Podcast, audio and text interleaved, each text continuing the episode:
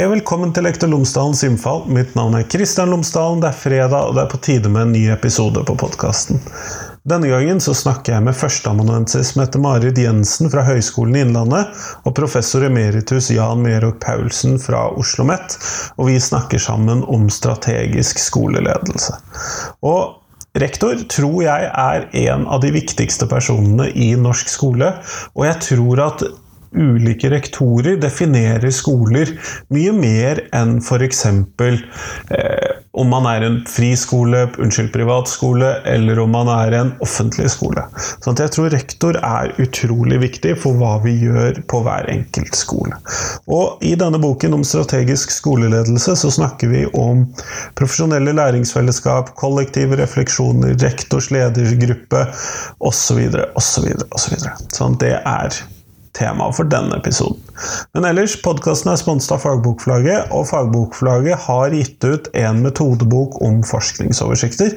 Sånn at når du skal skrive en bacheloroppgave, masteroppgave eller en doktorgradsavhandling, så finner du ut hvordan du kan jobbe med alle disse store datamengdene, og hvordan du kan bruke dem for å finne ut det du ønsker å finne ut av. Sånn at eh, Forskningsoversikter i utdanningsvitenskap heter den. Du finner den på fagbokflagget.no, og de anbefaler den til alle studenter på lærerutdanningene og innenfor andre pedagogiske fag. Men her, nå får du Mette-Marit og Jan.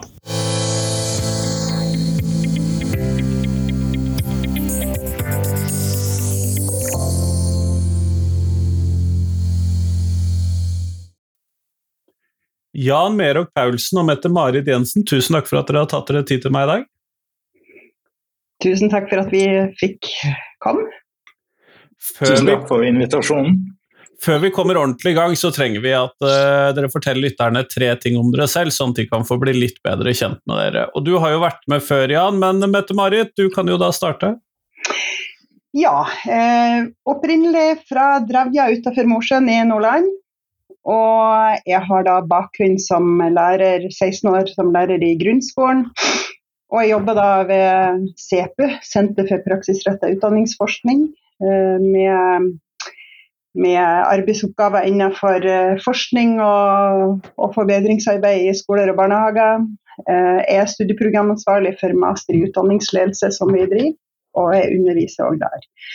Og så har jeg en fersk doktorgrad hvor jeg har forska på profesjonelle læringsfellesskap i skolen. og Sett på sammenhenger mellom profesjonelle læringsfellesskap og undervisningspraksis og skolens pedagogiske ledelse. Kjempeflott. Jan, hva med deg? Gammel mann fra Ålesund. Um, pensjonert professor, selv om det ikke virker som, tilknyttet Oslo OsloMet. Um, jobber også som eh, selvstendig næringsdrivende i oppdrag for kommuner, fylkeskommuner og enkeltskoler. Ja, fra Ålesund, hvor jeg sitter nå, Uh, lidenskapelig fotballsupporter. Med ett engelsk, et tysk og et uh, norsk fotballag. Det engelske er selvfølgelig det viktigste. Um, det og Hvis noen lurer på hva det engelske favorittlaget er, så er det egentlig bare å se på fargene på forsida til boka 'Strategisk skoleledelse'.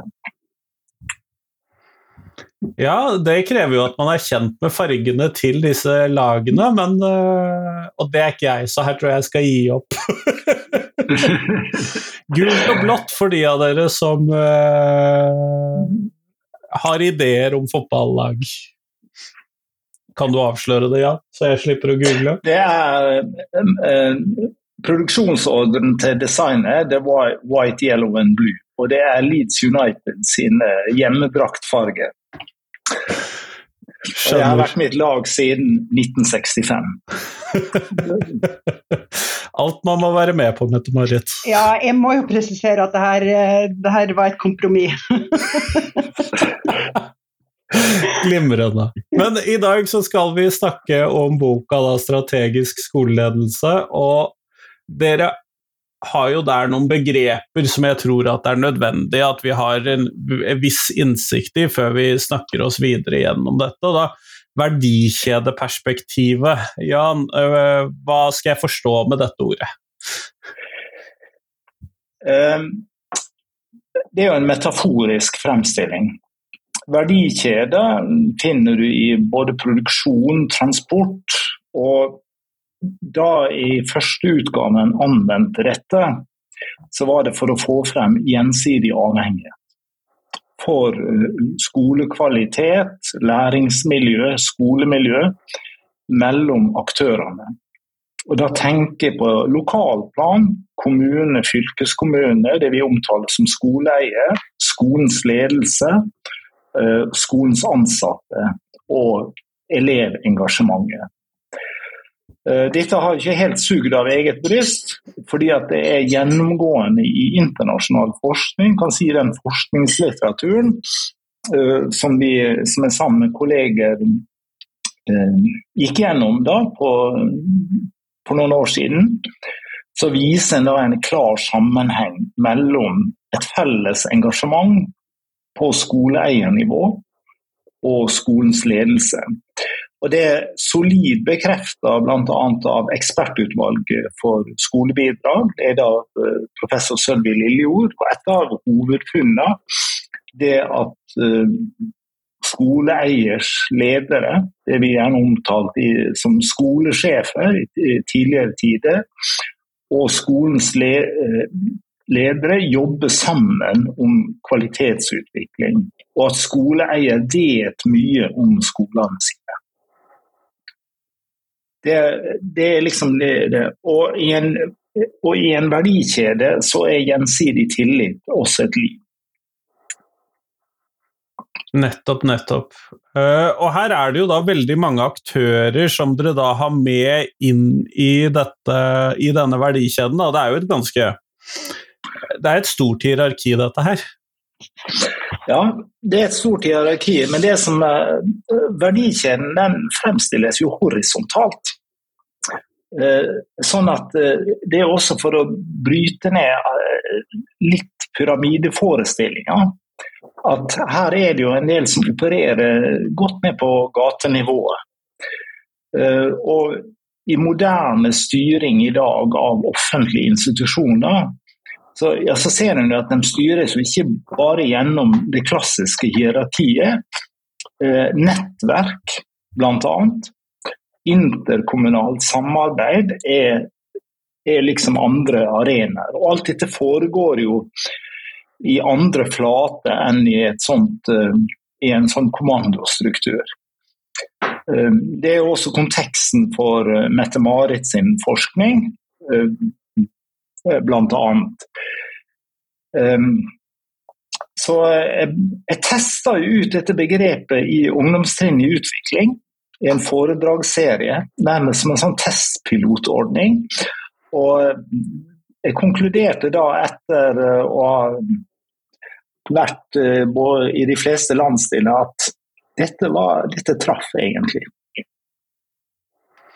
Skjønner, skjønner. Sånn dette er jo da en linse da, for å se på dette systemet, kanskje Ja. Så da eh, tror jeg at jeg forstår det, og så håper jeg at lytterne også har, uh, har fått den forståelsen. Ja, Hvis vi tenker hierarki, så skal egentlig, bare for å kontrastere litt så skal egentlig skolesjefen da instruere rektorene sine. Det foregår ikke sånn. Altså Dette utspilles på en felles arena. Og det har jeg hatt gleden av å, delta i fire forskningsprosjekter på. Og hvor vi ser disse, dette samla lederfellesskapet har en ganske stor betydning.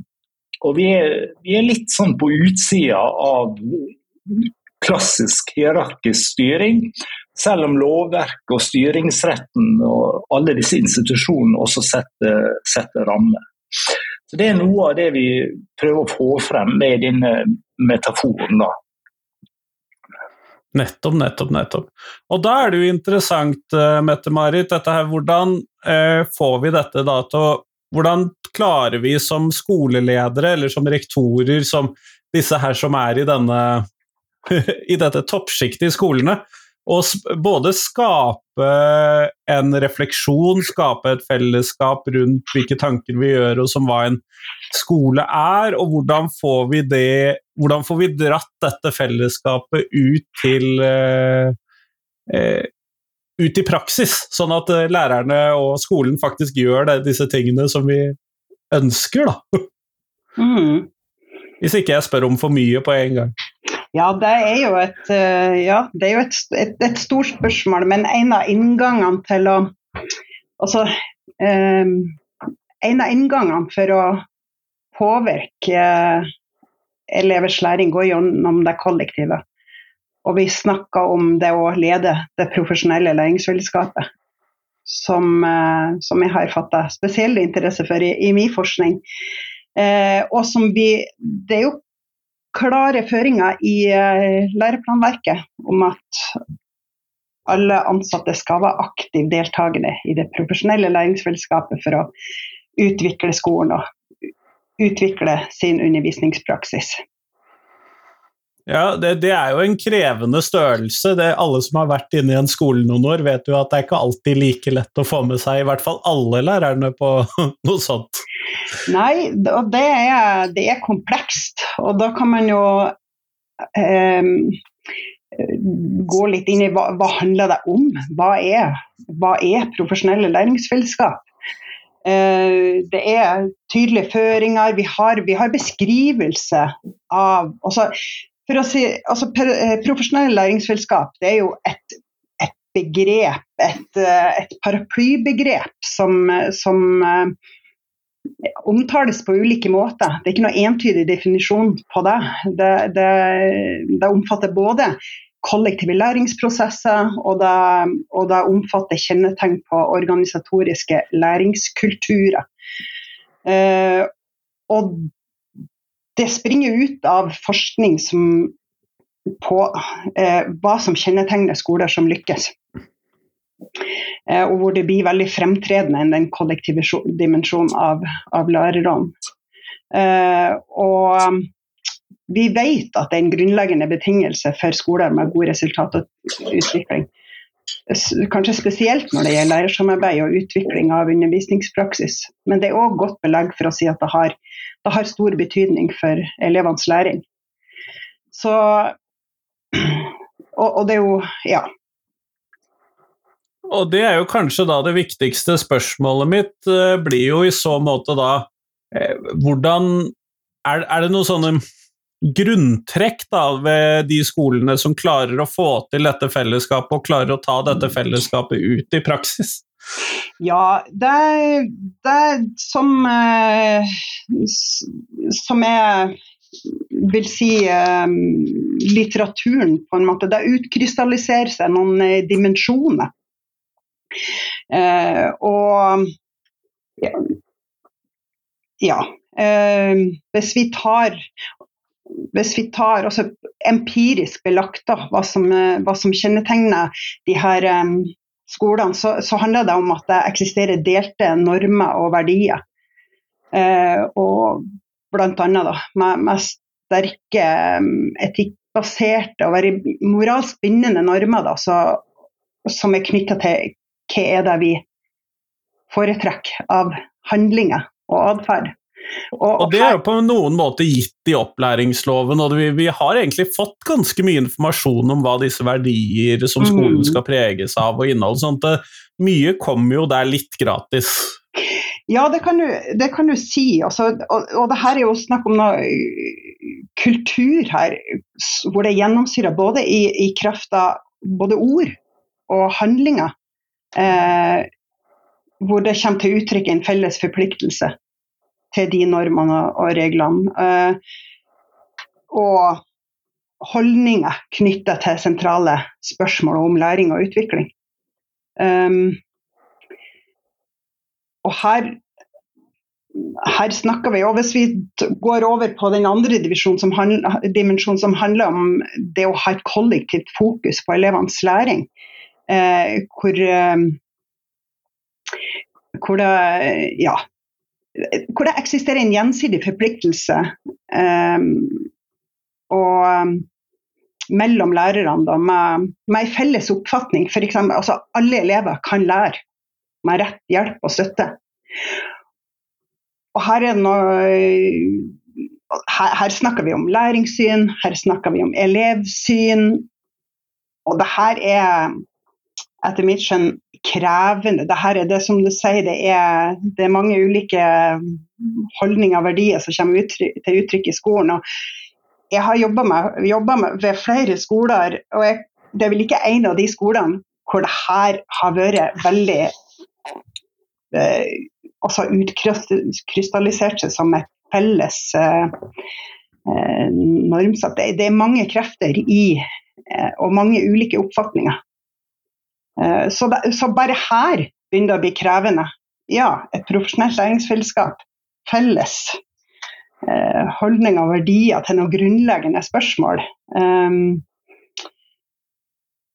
og hvor det òg ja. Nei, altså her, Profesjonelle læringsfellesskap handler òg om at lærerne engasjerer seg i et samarbeid. Ikke bare for å få felles forståelse, men, men uh, hvor man sammen utforsker aktivt nye uh, og forbedra undervisningsmetoder. Uh, um, sånn at man sammen utvikler nye perspektiver. Og hvis vi tenker hvordan skolen er organisert, så, så det å, å, å, klare å utforske sammen Vi har sterke tradisjoner for autonomi, og man lukker døra og man holder på hver til sitt. og så og så kommer man sammen på møterommet og er felles uh, og, og reflekterer. Men det å faktisk aktivt utforske med åpne dørene, det, det, er mer krevende.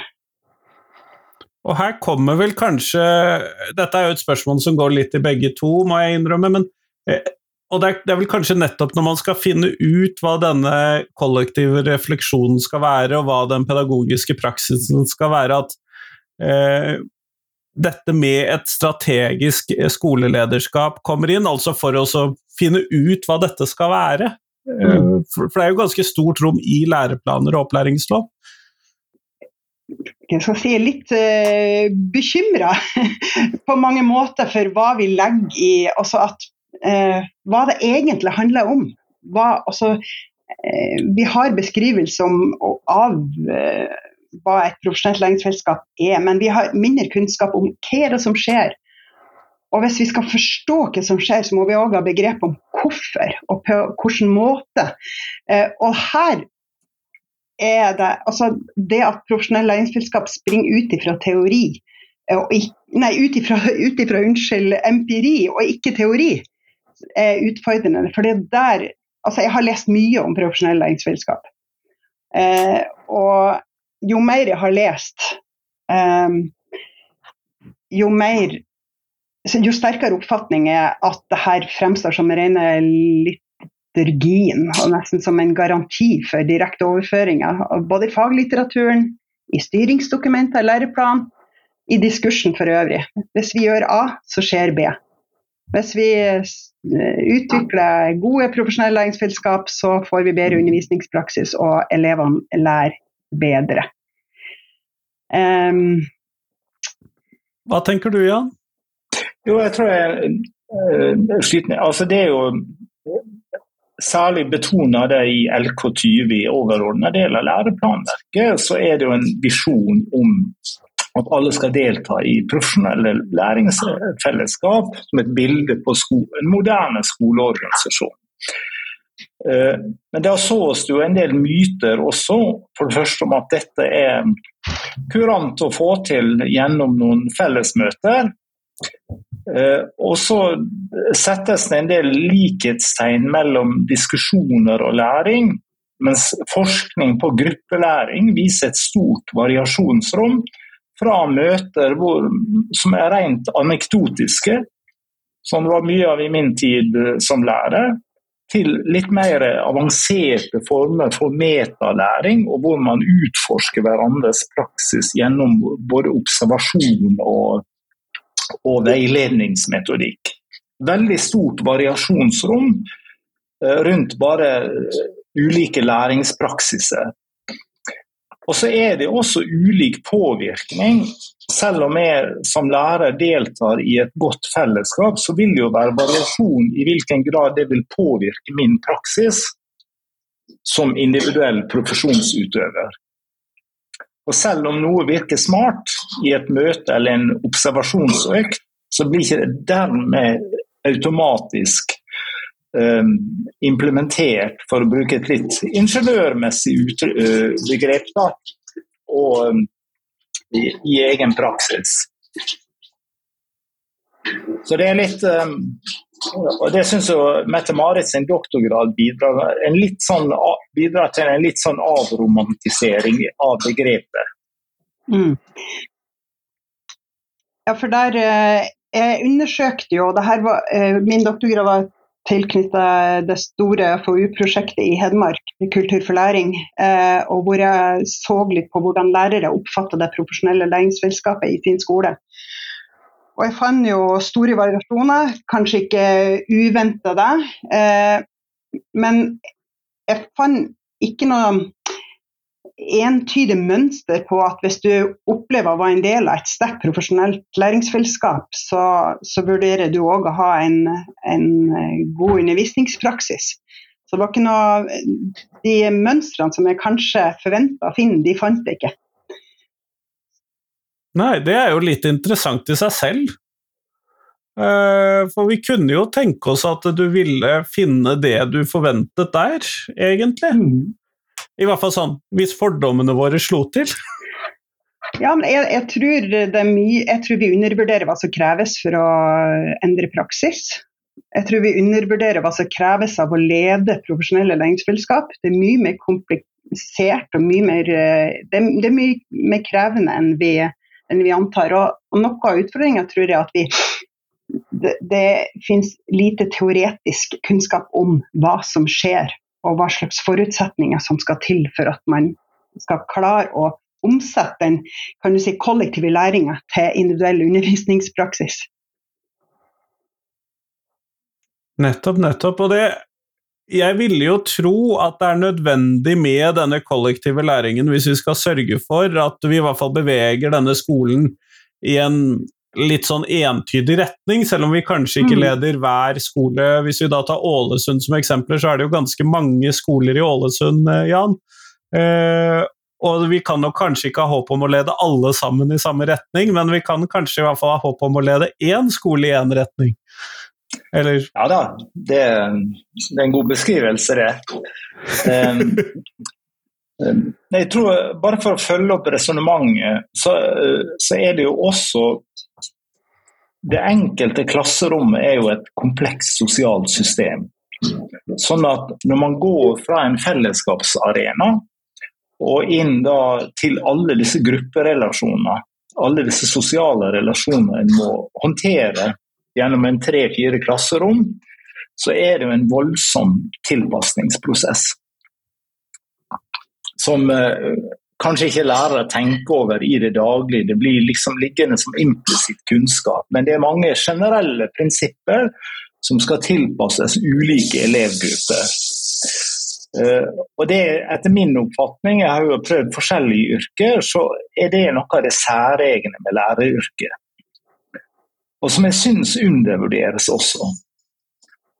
Og Derfor så skriver jeg av og til inn i fotnoter den matematiske formen med antall relasjoner i en gruppe. Og jeg hadde stort sett 28 elever og 30 elever. Der snakker jeg om 378 relasjoner, eller 435 i en gruppe på, på 30 um, elever. Det er veldig mye avansert situasjonsbestemt ledelse som utøves i praksis. Derfor er det ikke merkelig at om noe blir vedtaksført på et fellesmøte, så er det ikke sikkert at du får umiddelbart nedfall i en praktisk klasseromsetning. Men det kan også være påvirkning over tid her nå. Ja, og der er jo eh, mulig, eh, mulig en sånn vei videre her i denne samtalen, så er jo det da i min erfaring så virker det som at der hvor man klarer å gjøre endringer knyttet til eller innføring av et program, eller klarer å gjøre en bestemmelse knyttet til hvordan skolen skal være, så er det der hvor rektor følger det opp, eller der hvor avdelingslederne følger det opp. Over tid, så klarer man eh, også gjøre den typen bestemmelser. Men da er det jo spørsmålet eh, hvilke hva er det rektor trenger å kunne? Hvilken kjernekompetanse er det som da ligger hos skoleledelsen som det er nødvendig at vi eh, sørger for at de har, da? Eller hvordan skal vi tenke om det? Ja, Du har jo skrevet om dette i doktorgraden din, ja. Mette-Marit, så du kan jo begynne. Ja, jeg kan begynne. Altså, jeg, jeg, jeg, I tillegg til å å undersøke hva, hvordan lærerne oppfatter det profesjonelle læringsfellesskapet, så undersøkte jeg hvordan de oppfatter den pedagogiske ledelsen. Og det var jo det var store variasjoner. Og det, var, det som er interessant òg, det var jo store variasjoner innenfor den enkelte skole. Eh, og, og, og og da ønsker jeg å undersøke da videre hva, hva er det skolelederne gjør av handlinger, av praksiser. Hva er slags kompetanse som, som kan forklare denne variasjonen. Da. Eh, og en av de faktorene som jeg fant hadde veldig stor forklaringskraft, det er jo det å være aktiv deltakende i lærernes samarbeidslæring. Eh, som òg eh, vi finner i internasjonal forskning. Den er, den er sentral. Eh, og det med å være det å, å, å være, også, drive, også observasjon og veiledning, oppfølging, også er sentral kompetanse. og det å aktivt analysere og bruke elevdata i forbedringsarbeidet. Eh, det var de tre kjernekompetansene som er undersøkt og som viste seg hadde veldig sterk forklaringskraft på den variasjonen. Eh, og når de brukes sammen, så forsterkes kraften av, av hver enkelt. Da. Men hvis jeg da forstår den riktig, for fordi at det er den første der, uh, er jeg litt usikker på om jeg forstår helt, så det, det er den jeg da spør om. Så er dette når da rektor er med inn i arbeidet og ikke bare sier til eh, lærerne at dette er det dere skal gjøre, men hvor rektor også tar en del av det i det refleksjonsarbeidet? Ja, det handler jo om også Tradisjonelt så har jo rektorrollen vært eh, altså Historisk sett så har den vært knytta til administrasjon og, og, drift og ledelse. Og så uh, har den pedagogiske ledelsen fått uh, vokse fram som en, en stor verdi for, for det å utvikle skolen som, som organisasjon. Og, og så, så, det handler egentlig det å, få, det å være aktiv deltakende og lære. Du leder skolen på grunnlag av den kunnskapen du får gjennom lærernes arbeid. Nettopp.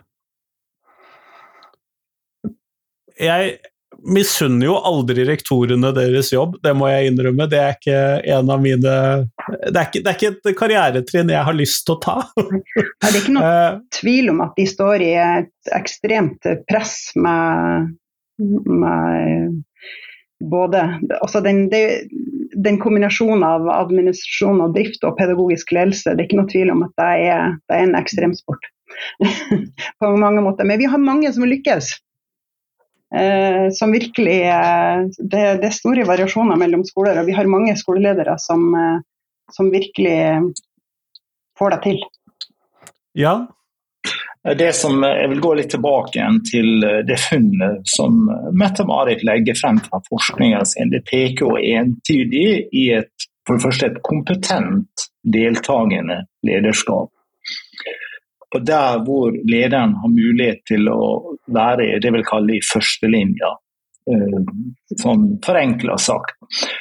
Og jeg vil jo anta, som en godt begrunna hypotese, at i en stor skole i videregående opplæring, så vil dette gi veldig resonans til avdelingslederrollen eller mellomlederrollen. Altså der du er kompetent deltaker, eh, bidrar med kunnskap og erfaring og lærer in action eh, der og da, så, så er det en kraftfull form for pedagogisk ledelse. I boka henviser jo også til en lederundersøkelse, norsk lederundersøkelse som ble publisert i 2021. Eh, Rudi Kirkhaug var på oppdrag av Skolelederforbundet. Og Han konkluderer jo med denne kompleksiteten som har vært eh, mye beskrevet. Da. Men at eh, skolelederne har jo et eh, trippeloppdrag.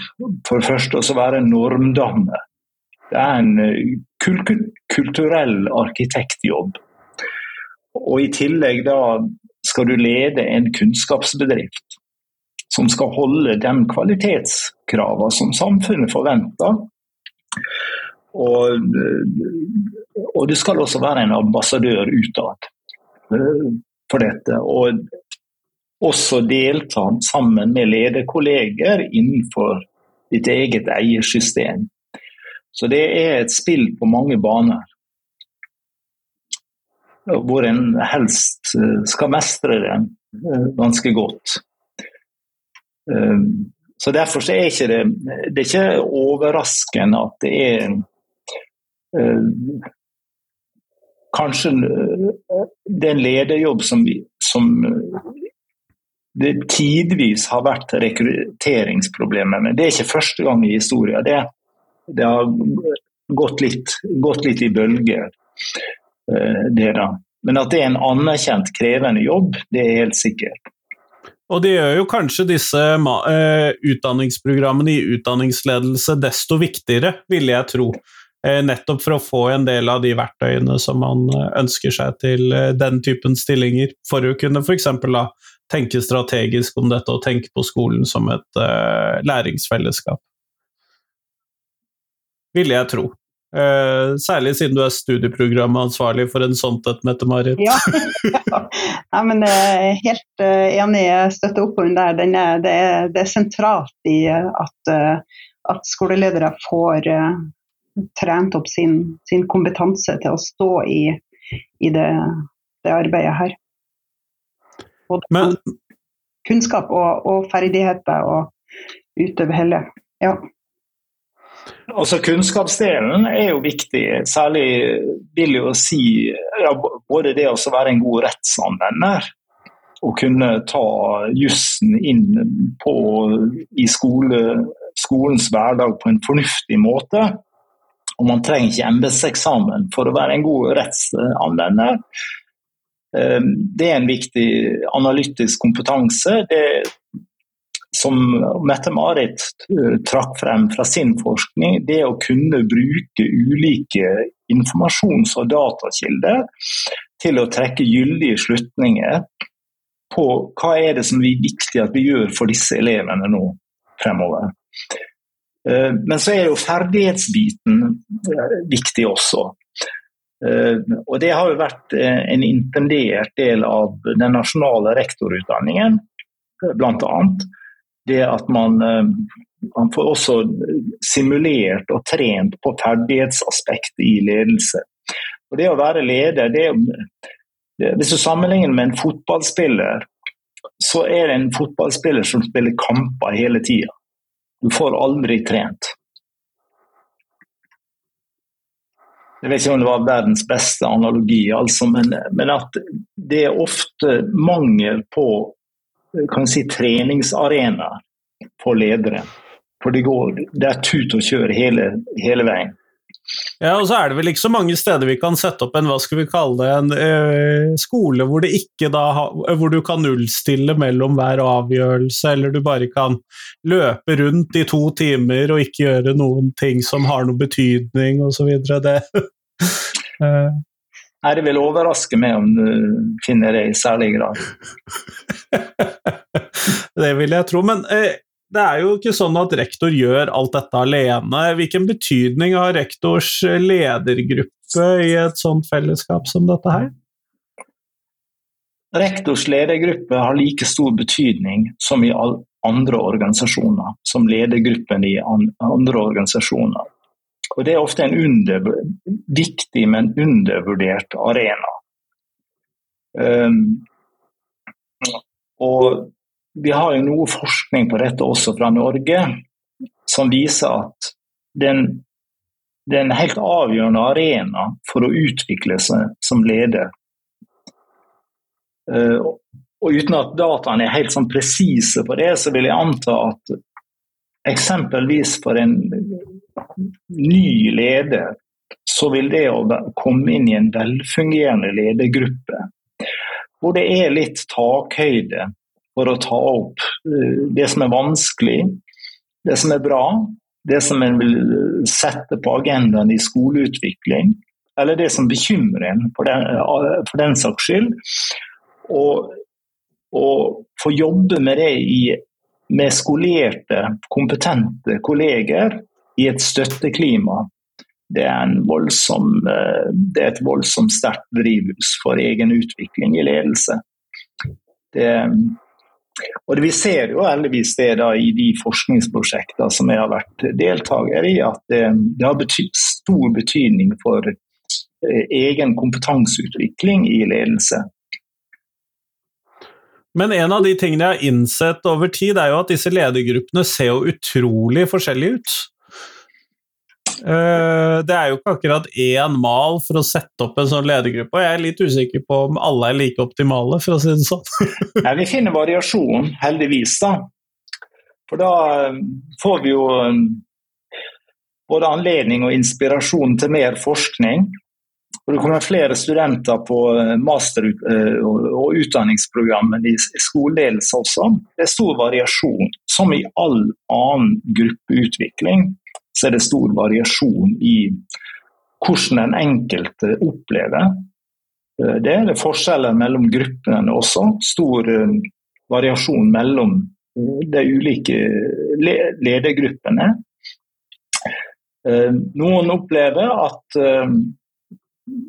det gir høyst moderat effekt, mens andre opplever dette som et veldig sterkt drivhus for egen ledelse og egen utvikling. Um, og Da er det selvfølgelig viktig å se på hva, slags underliggende faktorer er det som uh, forklarer variasjon og kan gi noen pekere på hvordan man, hvordan man kan jobbe med dette. Nettopp, nettopp.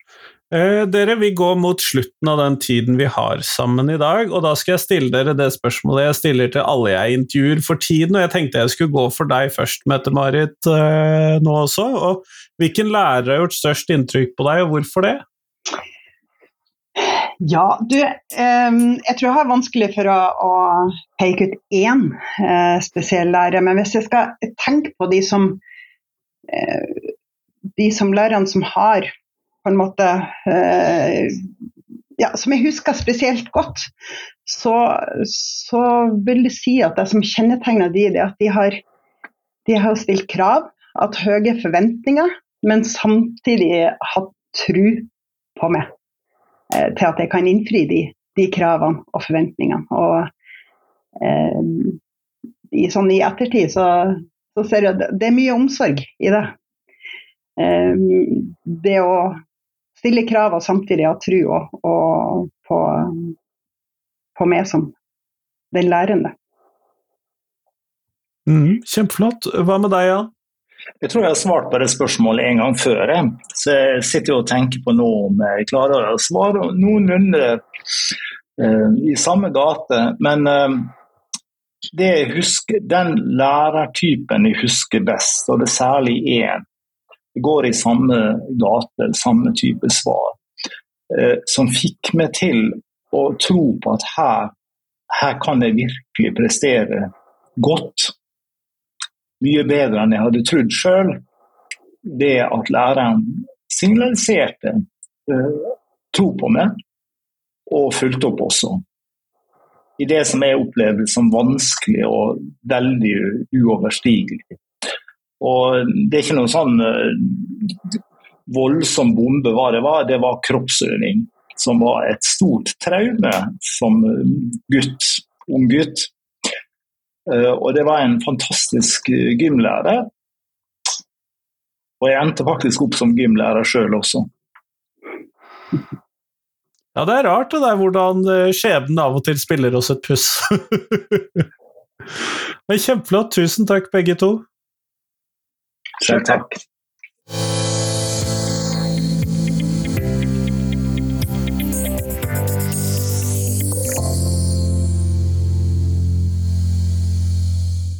Tusen takk til Mette-Marit, tusen takk til Jan, og tusen takk til deg som hørte på. Nå nærmer det seg publisering av boken min 'Burde vi det?', eh, som handler om profesjonsfaglig etisk kompetanse i skolen. Og den er skrevet for eh, alle dere som er ferskelærere, lærerstudenter, praksisstudenter osv. Og, så og ifølge min kone så funker den antagelig også ganske godt for oss som har vært lærere en stund. Og dette er ikke en bok for hard øh, faglig filosofisk kompetanse på etikk. Dette er boken for å skape refleksjon, nye tanker om hvordan vi håndterer skolehverdagen som vi alle står i, alle disse problemstillingene som er en del av hverdagen vår som skoleansatte. Så jeg håper at du vil sette pris på den. Du finner mer informasjon om den på fagbokforlaget.no eller på burdevide.no. Sånn at uh, jeg blir veldig glad hvis du sjekker ut det. Men uh, ha en fin dag videre. Hei, hei. you